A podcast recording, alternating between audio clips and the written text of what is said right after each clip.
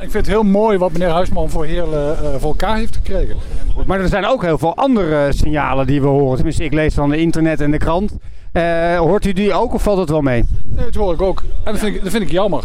Want uh, ik denk dat het heel goed is dat we op deze plek, hè, met zoveel geschiedenis, ook met toch veel met een vaak uh, lelijke klank, dat er nu iets moois wordt neergezet waar we met z'n allen trots op kunnen zijn. Ik denk dat de stad omhoog trekt. Helemaal goed, dank u wel.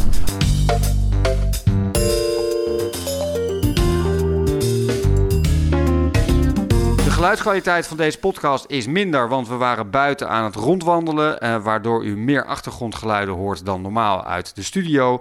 Het interview was toch dusdanig interessant dat we besloten hebben om hem te gaan editen en uit te zenden. Veel plezier en u zit er in één keer in live vanuit Heerlen. Oké, dames en heren, welkom bij Kloppenburg Podcast, die vaak gaat over mobiliteit en innovatie. Vandaag, het zal niet te geloven, zijn we in Heerlen of all places beland. En ik loop namens iemand... Michel Huisman. We zitten hier bij een enorm project, uh, stedenbouwkundig project rond het station Heerlen. Uh, hij is bekend van uh, Michel van Tegenlicht, waar hij een hele uitzending heeft gemaakt over een heel nieuw gebied wat ontwikkeld wordt rond de, het station. En ook wel ook op internet te vinden dat er af en toe natuurlijk mensen het werkelijk helemaal niks vinden. En daar gaan we het vandaag met Michel over hebben. En we wandelen rond in het prachtige Heerlen. Precies. Goed, well spoken. Wat, wat doe je? Dat vroeg mijn moeder heel vaak. En uh, als er een hele sequentie van dingen gebeurt die niet in het normale vallen, dan ben je al gauw een kunstenaar. Kunstenaar is, wordt gezien als een beroep. Maar ik denk eigenlijk dat het meer een duiding is van een groep mensen die niet zo makkelijk te plaatsen zijn. Ooit was het vrij makkelijk, die maakten gewoon dingen die mooi moesten zijn. Maar het gaat gaandeweg ingewikkelder. En Inmiddels... Waar, waar, staan we hier nu? We staan aan de voet van de Saroliastraat. Saroliastraat zeggen ze hier. En dat is onze drukste winkelstraat. Uh, in het begin kwam je dan uh, hier aan en er was eigenlijk een, een, vlakte met zes banen beton. Een heleboel auto's en wat schaamgroen. En hier ging je dan naar beneden via een dingetje van de VVV. En er ging een, een tunnel in van 126 meter lang. Die buitengewoon griezelig was en ook waardoor je gevallen zijn. En uh, ja, dat was eigenlijk een hele nageestige omgeving. Je moet je voorstellen, in 2003 wij waren, waren wij de één na crimineelste stad van Nederland. Uh, je moet denken, 57 geregistreerde psychopaten in drie winkelstraten. En uh, eigenlijk omdat we hier bij België en Duitsland zaten, hadden we dus ook een fantastisch probleem met drugs en mensen die van, van elders die drugs hier kwamen halen. Ja, dat heeft ons enorm getekend. De hele identiteit is daar erg aangetast. Maar ook door het sluiten van de mijnen in de tachtiger jaren was dus opeens op slag 1 op de 3 mensen hier werkeloos. Je kreeg een brain drain. Mensen die wat konden, die vertrokken. En zij die bleven zitten. Er zijn er bij al drie generaties werkeloos. En dat tekent de stad wel. Maar het werd nog erger. De stad Heerlen. De stad Heerlen. Het werd nog erger. We hebben hier een wethouder gehad, Huub S. Die heeft 25 jaar lang hier huis gehouden en die heeft alles wat authentiek was afgebroken. Uh, vanuit het idee dat hij dacht dat we die oude troep niet nodig hadden, maar dat we vooruit moesten. En als je ziet wat daarvoor in de plaats gezet is, dat is allemaal even liefdeloos. Even voor de luisteraars en voor mijzelf ook. Ik ben hier daadwerkelijk gewoon op station Heerlen uitgestapt. Ik kreeg een link via Sjoerd Soeters, architect stedenbouwkundige. Zei je moet een keer met deze man gaan praten, want hij is hier iets bijzonders uh, aan het doen in Heerlen. Uh, doe even voor de luisteraars en voor mij eigenlijk ook gewoon wat facts en figures. Hoeveel huizen ben je hier nu aan het neerzetten? Wat kost dit op zo'n Hollands? Even zo plat als maar kan. Ik zie je al boos worden als kunstenaar. Ja, die denkt, oh nee, dan krijgen we zo'n man die alleen maar als ondernemer praat. Maar doe even wat facts en figures, dat helpt. Daar gaan we. Uh, waar we naar kijken is 6000 manjaren werk. Als je dat vertaalt in geld is het ongeveer 200 miljoen euro. Het is een vlek van 90.000 vierkante meter en daarmee het vijfde na grootste uh, spoorgerelateerde project van Europa. Uh, het is, uh, er komen 125 woningen in om en nabij. Uh, die woningen die variëren van koopwoningen naar huurwoningen, van lofts, penthouses tot één-kamer appartementjes. Ik luister nooit, dat weet ook iedereen die hier altijd naar luistert. Wat kost het hier als ik hier 80 vierkante meter, kijk hier omhoog dames en heren, het is nog niet helemaal af, maar ik wil er eentje hier kopen voor 80 vierkante meter of 140. Wat kost dat? Uh, te weinig. We hebben hier een penthouse gekocht van 200 vierkante meter met een daktuin van 100 vierkante meter met een eigen lift voor 420.000 euro. En een eenkamerappartement met een, uh, voor 180.000 euro. En dan moet je denken aan plafonds van 3,20 meter hoog. Uh, verwarmd met aardwarmte. allerhoogste kwaliteit kozijnen en hoog rendementsglas. Wij hebben groene daken. We doen aan warmte terugwinnen installaties. Het is uh, was het einde van de reclameboodschap dit. Nee, we wisten dat we serieus... Mijn volgende vraag is... Nee, hij dacht dat hij, dat hij echt helemaal iemand kreeg die ook ging luisteren. Maar dat wist hij nog niet. Um, even kijken. Wat mij nog interesseert is... Hoeveel procent van, de, van het totaal aantal woningen is nu al verkocht of moet nog verkocht gaan worden? Het gedeelte dat af is, is in een half jaar tijd verkocht. In een markt waarin er voor iedere koper 70 woningen leeg stonden. In een half jaar tijd uitverkocht. Hoeveel leegstand is hier in Heerlen? Uh, de leegstand in woningen is vrijwel niet, is niet veel, maar uh, voor zelfs een tekort. Maar voor uh, winkels staat er vrij veel leeg, ongeveer het landelijk gemiddelde. Hoeveel procent is nu verkocht?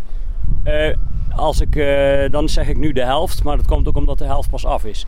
Er zijn een paar weken geleden dingen in de verkoop gegaan aan deze kant, de zuidkant, waar wij nu staan. En daarvan is alles boven de 100 vierkante meter verkocht. Ook in een paar weken tijd. En dat daaronder, dat vliegt eruit. En is het ook voor de, voor de prijzen verkocht waarvoor je het ooit zeg maar, gepland had? Of is het meer of minder waard? Het is, uh, je moet je bedenken, we zijn uh, begonnen in de diepst van de crisis van de bouw. En daar waren die dingen dus wat goedkoper. En nu zijn ze wat gestegen in waarde. Ehm, dus ook in prijs. Wat zijn eigenlijk de vijf dingen die je het vaakste over dit project hoort? Wat de punten van kritiek... Of jij het er nou mee eens bent of niet, maar je, je kan ze natuurlijk dromen. Hier ermee. Uh, het zit als volgt. In het begin werd er veel gezegd, het is te groot. Uh, dat vind ik niet. Uh, het moet groot zijn. Uh, in de tweede plaats, uh, ze zeiden dit is bouwen voor leegstand. Dat is ook niet zo. Je, het uh, economisch klimaat lag je helemaal op zijn gat. Stel je voor, je woont in een straat waar alle huizen zijn afgebrand en je loopt naar de bank om te vragen om jouw gevel op te knappen. Dan zegt de bank, doet de rest dat ook. Als die dan zeggen nee, ja, dan krijg je je geld niet. het heeft geen zin om hier een beetje iets te doen. Je moet rigoureus moest je hier ingrijpen. Een vlek derde punt van kritiek? Derde punt van kritiek. Ehm, God, dan moet ik al gaan nadenken hoor.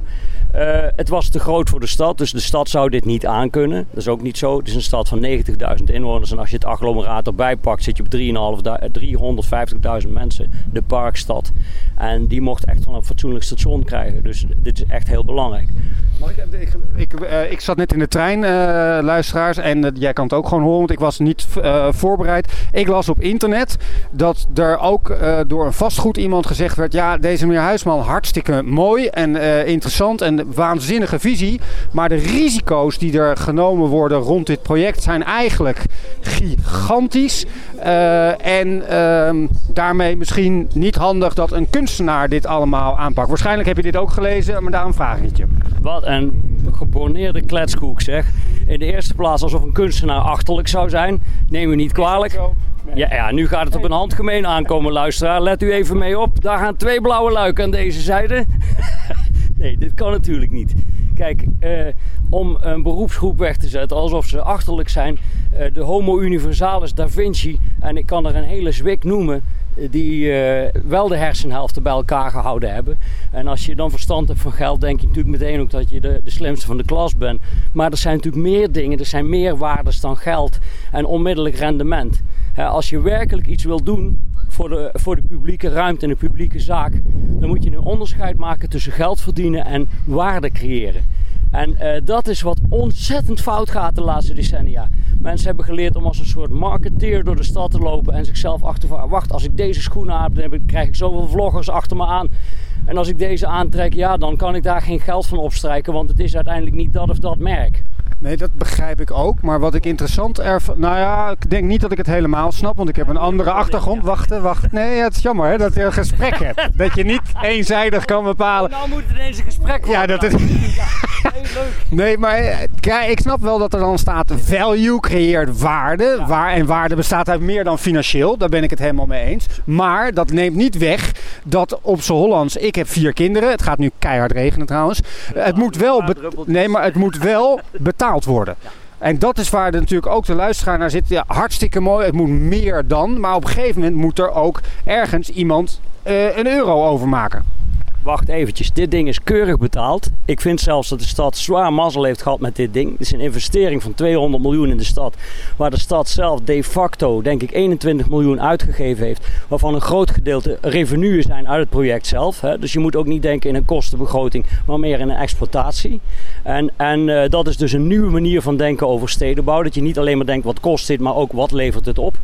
En uh, nee, dat, die, die balans is hier supergoed. Nee, dat snap ik ook. Maar dat is ook net alsof de oude mensen van vastgoed niet snappen dat er ook iets het moet opleveren. Als je zegt het kost 200 miljoen en het heeft voor deze stad uh, 21 miljoen gekost, denk ik bij mezelf, waar komt die 180 miljoen? Maar dan doen we daarna de batenkant, gaan we ook gewoon doorheen. Het is niet zo dat als je vraagt naar kosten, dat het dan per se negatief uh, hoeft te zijn. Exact. In ieder geval is het zo dat de partijen die dit op zich genomen... Jazeker, we gaan hier onder de galerij door. Uh, uh, de partijen die dit op zich genomen hebben, die zijn uh, erin gestapt. Niet met het oogmerk om er schatrijk aan te worden, maar om een ereschuld in te lossen en iets te doen voor een getormenteerde stad. En als we daarbij kiet zouden spelen, dan zou dat al hartstikke mooi zijn. En wij zitten al in de zwarte cijfers. En dat komt omdat iedereen ontzettend verlangt naar dingen die weer mooi zijn. En waarbij je dus eerst denkt van, ja, we gaan dus plafonds maken van 3,20 meter. Waarom in godsnaam? Omdat het kan en omdat iedereen het graag wil. En als je dat niet doet, omdat je te krenterig bent of omdat je denkt, nou, maar dan kan ik als ik vier verdiepingen maak, heb ik er bijna een vijfde bij. Dan wordt mijn rendement 15% hoger, dat klopt. Maar dan heb je ook 15, 15% meer mensen die binnen de kortste keren gescheiden zijn of naar een psychiater lopen, omdat de woning te miserig is. Nee, maar we houden even de vraag op, dit is hartstikke interessant, al op de financiën. Luisteraar, laat u niet afleiden nee. Maar we houden het gesprek op financiën. Dat je toch zegt dat er eh, in de waardes ook gewoon een doelstelling is. Dat het niet zo is. En ik wil je namelijk juist naar voren laten komen. Niet alleen als een kunstenaar, maar als Oh, dat je ook zegt, ja, het moet wel op 0 uitdraaien, of het moet op min 15 uitdraaien, of het, het moet wel op in zijn. Het is niet helemaal gebakken leur. Je hebt het toch berekend, los van wat de doelstelling erachter is. Denk jij nou werkelijk dat als mensen voor 200 miljoen de poeplap moeten trekken, dat ze er niet aan gerekend zouden hebben? Hier wordt geld verdiend en dat niet alleen, hier wordt waarde gegenereerd. Dus wat hier gebeurt is dat er op termijn die stad zo'n uh, lift krijgt. Dit gaat zo'n fantastische spin-off veroorzaken. Dit is al nu al zo. De huizen aan de achterkant zijn allemaal in waarde gestegen en niet zo'n beetje de afgelopen jaren. En hier die hele Cerolia-straat, daar was de helft, heeft heel lang echt voor miserig erbij gestaan. Mensen knappen het nu op omdat ze zeggen, hé, hey, er gaat iets veranderen in de stad. Dat... Ik heb een vraag ook, want we zitten hier aan de achterkant van het gebouw. Ik zie hier enorm grote uh, laden en losse, soort van hey, gigantische houten uh, deuren. Is dat voor het laden en los of is dat gewoon een in- en uitgang? Of hoe had je dit, of is het weer multifunctioneel? Uh, het is multifunctioneel. Je ziet hier toevallig naar de... Ja, gaat door. Je ziet hier toevallig net een bus onderdoor rijden. We staan nu op uh, een tijdelijke brug. Die gaat weg. En dan is dit de busbaan. Maar het is ook multifunctioneel, want de uh, toeleveranciers mogen er ook op. Nou, als bussen ergens een hekel aan hebben, dan is als er een vrachtwagen voor hun rijdt die opeens gaat stoppen om te lossen. Dat is hier opgelost door die vertandingen in het gebouw. Die maken het mogelijk om een afzwaaier te maken zonder te remmen. Maar meen je nou echt dat je daar rekening mee hebt gehouden dat hier de laad- en losplek... Ja, ja, zeker. Want wat je niet wil is als je op dat plein waar we net waren, waar het zo mooi stil was, zo'n auto hebt die daar gaat lossen, handdoeken of de vetput leegmaken. Piep, de internetbestellingen van mijn vrouw. Exact. Die, ik weet dat zij toevallig, zij koopt ontzettend veel luisteraars en dat gaat uren duren. Maar eh, wat hier gebeurt, maar wat hier gebeurt, die jongens die draaien met zo'n enorme lorry hier af steken hem achteruit. En je ziet hier de, de liften rechts. Uh, dus als je weer eens een, half uur op de trein staat te wachten, dan heb je ook nog wat te zien. Want je kan zo alle echtscheidingen en vreemdgaan kun je volgen hier. Ja, heel handig. Uh, maar daar zijn die vertandingen voor. We staan nu aan de spoorzijde. Eigenlijk op het moment dat je Heerlen binnen zou komen en je staat op het perron op iemand te wachten, dan kijk je naar een rij planeten. Ze staan er nu bijna allemaal, maar je kijkt ook naar een gevel. Er komt overigens nog een enorme serre, Crystal Palace-achtige serre voor die je daar al in de contouren in het stukwerk ziet. En je ziet een gedeelte van de ramen daarboven is voorzien van roze omlijningen als het ware. Een, een, roodachtige kleur. Maar je ziet dat daar links nog zo'n raam ook zo'n kleur heeft en rechts ook. Heb je enig idee waarom dat zo is? Nee, werkelijk. Het lijkt een soort van Olympische Spelen. Of ik heb een associatie met, Jezus. nee, met Praag. Met Praag. Ik heb een associatie met Praag dat elke deur een andere kleur heeft. Dat is mijn eerste associatie. Ja, weet je wat ik zelf heb? Want ik, ik probeer ook maar te volgen wat ik gedaan heb. Ik snap het ook niet altijd. Maar als ik naar dat ene raam kijk, dat daar zo in zijn eentje die rode kleur eromheen heeft, dan denk ik, waarom heeft hij dat? Wat is zo anders aan hem? En dan kijk ik naar de andere ramen en dan zie, ik, dan zie ik dat ze er allemaal eigenlijk idioot in zitten. Oh, dat zie ik nu ook pas, ja. Sorry. Ja, nee, ik zie het nu. Ik, sorry. Het is dus een leesteken. Het helpt je om te begrijpen dat dit een rare gevel is. En heb je dat ben, ik zie ook op het perron dat het er natuurlijk over. Is het ook zo dat je dan recht, rechtstreeks van het perron zo in één keer omhoog kan gaan en op die brug kan komen? Ja, waarschijnlijk. Ja, inderdaad. Je, je komt dus dadelijk, sta je op die brug, maar jij hebt niet door dat het een brug is. Jij denkt dat het een plein is. Je hebt ook niet door dat je daarheen gelopen bent en dat je 7,5 meter geklommen hebt, want je ging door een park. Het begint bijna dit op, eh op eh, Saint-Lazare te lijken in eh, Parijs. Waarbij je eigenlijk aan de bovenkant, lo- en de onderkant zit al het hele station. En je weet niet eens meer dat er een station is. Dat, daar doet mij het eigenlijk bij La Défense aan denken. Dat je dus in één keer gewoon in de stad bent. Dankjewel, Geert. Ik heb het toch nog aan een kunstenaar een compliment gegeven. Nou, het is leuk. eh, weet je wat in het begin heel moeilijk was? Want jij had het over kritiek. Nou, kritiek. Een van de kritieken die ontstaan is, is gewoon dat het moeilijk is uit te leggen wat hier eigenlijk gaat gebeuren. Eh, omdat het nogal omvangrijk is. Het is hetzelfde als ik jou zou vragen: zou jij bijvoorbeeld eens willen fluiten eh, het derde pianoconcert van Rachmaninov? En dan begin jij. Je zegt ja, stop maar, ik mis nog 52 strijkers. Het is gewoon niet te doen, luisteraar. Soms is het moeilijk om uit te leggen hoe iets in zijn geheel in elkaar zit. En wat zijn de belangrijkste als zeg maar, kunstenaar of hoe jij in dit project eh, je, je soort van het is een verschrikkelijke vraag, maar ik doe het toch lekker. Top 5 van dingen waar je bij dat systeem tegen aanloopt. Je noemde net een voorbeeld van ja, er worden gewoon deze eisen gesteld, maar dat haalt elke vorm van creativiteit eruit. Maar vanuit praktisch oogpunt, welke vier, vijf dingen kom je eigenlijk in de praktijk tegen waarvan je zegt ja, daar zie je zo duidelijk dat ik niet in dat systeem pas met mijn denkwijze. Nou, het eerste wat me te binnen schiet is een woord dat in bouwkunde echt usance geworden is. Het heet optimaliseren.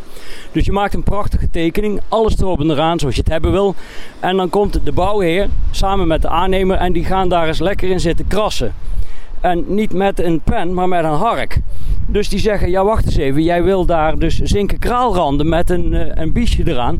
Maar wij hadden meer gedacht aan een daktrim van aluminium, want dat scheelt ons 14 euro per vierkante meter. En inderdaad scheelt dat dat geld. Alleen dat scheelt ook dat je de rest van je leven naar zo'n schele rand moet kijken waarvan je denkt, ja was ik maar dood. Terwijl als je deze ziet, hebben we een bedrijf voor uit Amsterdam moeten laten komen omdat er nog maar drie mensen in Nederland zijn die dat kunnen. Want op die manier gaat namelijk ook alle ambachten naar de verdommenis.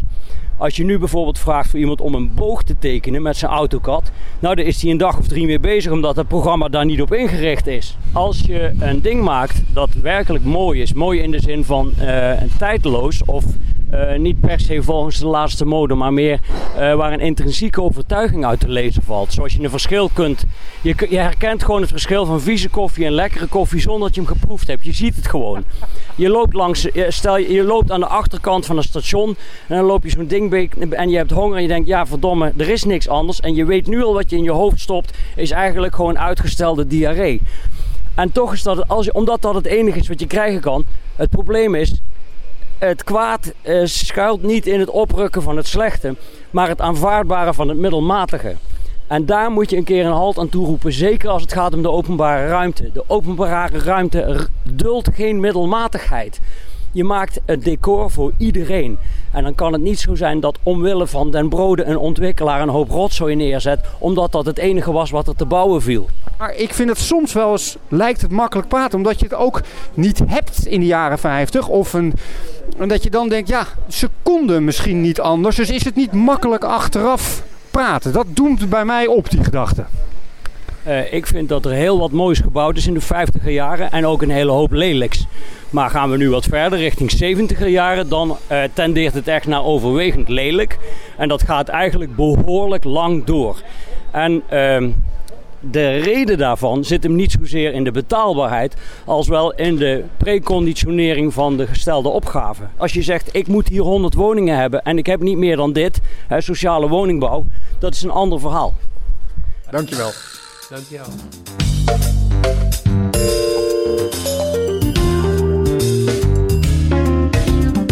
Dank voor het luisteren naar deze podcast. Het laatste stuk van het geluid was zo slecht dat we dat er afgekapt hebben. Maar deze 19 minuten vonden we toch zo goed. Als u wilt reageren, kan dat gewoon gebruikelijk naar geert.geertloppenburg.nl. Als u vragen heeft aan Michel Huisman, kan dat zeker ook. Want we gaan nogmaals, 31 augustus wordt het station officieel geopend in Heerlen. En dan gaan we er nogmaals naartoe. Dus als u luisteraarsvragen heeft, kan dat. Uh, in ieder geval voor nu, dank voor het luisteren en graag tot een volgende keer.